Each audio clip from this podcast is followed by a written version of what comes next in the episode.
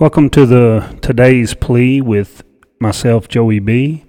Um, I'm going to play you a, a recording that I recorded um, several days ago um, about a, a guy that I know that is a prime example of getting it right. You know, I talk a lot about uh, the first thing you got to do is the work. You got to do the work. Then, while you're doing the work, the second thing you've got to do is pay attention to what's going on around you while you're doing the work, which allows you to do exactly what this story uh, talks about. Is it allows you to get it right?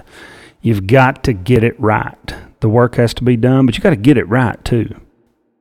So now, just take a listen to this, and let's uh, let's see what you think about this story. Talking about a classic example of doing the work. Always say, do the work, do the work. That's the key to everything. I don't care what you're doing. If you're digging ditches, if you're selling, um, selling soda pops, whatever it is you're doing, do the work. It requires the work. The work is required. There can be no results without the work being done. You've got to do the work to get the results. And um, I was talking to my best friend from high school. We've been friends since elementary school, and um, don't spend much time together now, really zero. But we talk a lot, and. Uh, He's been very successful in the construction business. He's one of the one of the most successful people I know, and he um, he's done very well. And he recently he got a got a big job, a big contract, um, and there were several people bidding to get this contract, and several of the people bidding were people that you know he's you know kind of idolized or um, you know looked up to and wanted to model parts of his business after and grow as big as they are and uh, they were bidding on this job too and he won the job. He got the bid he got the contract for the job. And uh, his dad's also been in the construction business so when he got this contract his um, his his dad got a phone call from the the guy that he got the job from. And uh, when he got this phone call he said hey he said is is uh, your son is he you know is he got is he equipped to be able to handle this this big of a job. And um, if you knew uh, my buddy's dad, you'd you'd be like, yeah, this is a typical answer from from him. He said, uh, he said, well, he bid on it, didn't he? And uh, the guy said, yeah, yeah, he bid on the job and got it. He said, well, he wouldn't have bid on it if he didn't, if he couldn't handle it. So if he bid on it, yeah, absolutely, he can handle it. And the guy said, all right, well, I appreciate you, you know, appreciate your time. And the guy just needed that confidence, I guess. And uh, so my buddy's dad called my buddy, his son, and um, to tell him about the phone call. And see, this right here is the way he reacted is the reason why, one of the big reasons why he's so successful um, in his business.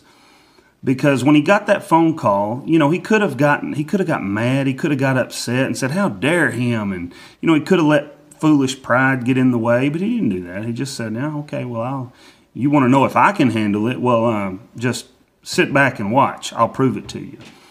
And he told me when he was finishing up the job, he got it all done. You know, he one thing he didn't do, he didn't hide. He didn't try to just send his workers over there because he was nervous or scared or, you know, um, worried because he has the confidence. He knows that he's gonna he's gonna follow through. So he told me when he when the job was finished up, he was out there himself with a with a kitchen broom and a and a dustpan, sweeping up cigarette butts, picking up candy wrappers, um, sweeping the dirt off the concrete. Um, just was going to make sure that uh, you know this guy that you know had wondered, oh, can he can he handle this job? He was going to make sure that he proved that hey, it's going to be perfect. When he leaves, it's going to be perfect. And, um, you know, the guy may not have, I don't know, I haven't asked him, the guy may not have even noticed any of that, but I can guarantee you the guy didn't have any complaints. The guy was not able to say, well, you know, he really, really couldn't handle that job. That was too much for him. No, he just, he was happy with the service. But that's the reason for any success in anything that we do is that desire. Because first you got to do the work, but then you got to pay attention, and then you got to do it right. You got to get it right. Before you leave, it's got to be right. Before you're done, it's got to be right. I don't care what you're selling. Um, if you're selling groceries, if you're selling, uh, if you're selling advertising, if you're selling, you know, what insurance, whatever it is, before you leave the deal, you got to get it right. It's got to be right. You got to do the work to get the deal, and then when you get the deal, you got to get it right before you leave. Um, so I just, you know, when he was telling me that story, I thought that right there, that desire, that care, you know, is the reason he's so successful. Every business owner that will continually do the work and do what he did with that broom and making sure that when he puts his name on it, it's exactly right.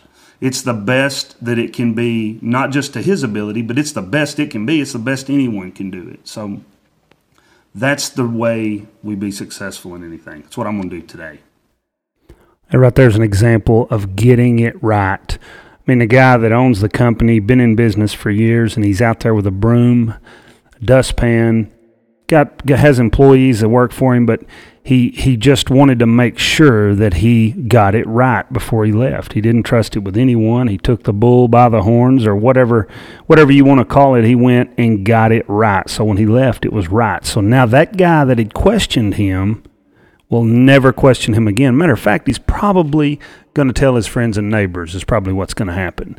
And he's going to gain work for that little bit of effort that he put in to, to get that job right, to get it right so that there's, you know, there's no way for a complaint. So I always like to end these with, uh, uh, some music with a story and uh, songwriters and uh, musicians, and I'm gonna leave this episode number four here of today's plea with Joey B. Uh, I'm pleading with everyone today to get it right, get it right, follow through. So I'm going to leave this one with you. I'm not going to tell you who it is because uh, honestly, I don't have permission. Uh, you know, he's not a not anyone that um, produces albums or anything like that. But um, just let you take a little listen here to a little cover song that he did cover that he did that I think he completely freaking knocked it out of the park. Um, take you a listen, and uh, I'd love to hear what you think about this cover. Um, this the sound quality is, um, you know, not studio quality. It's recorded with a uh, with a cell phone, but uh, you'll you'll get the gist. So take a listen and, and let me know what you think. See you next time.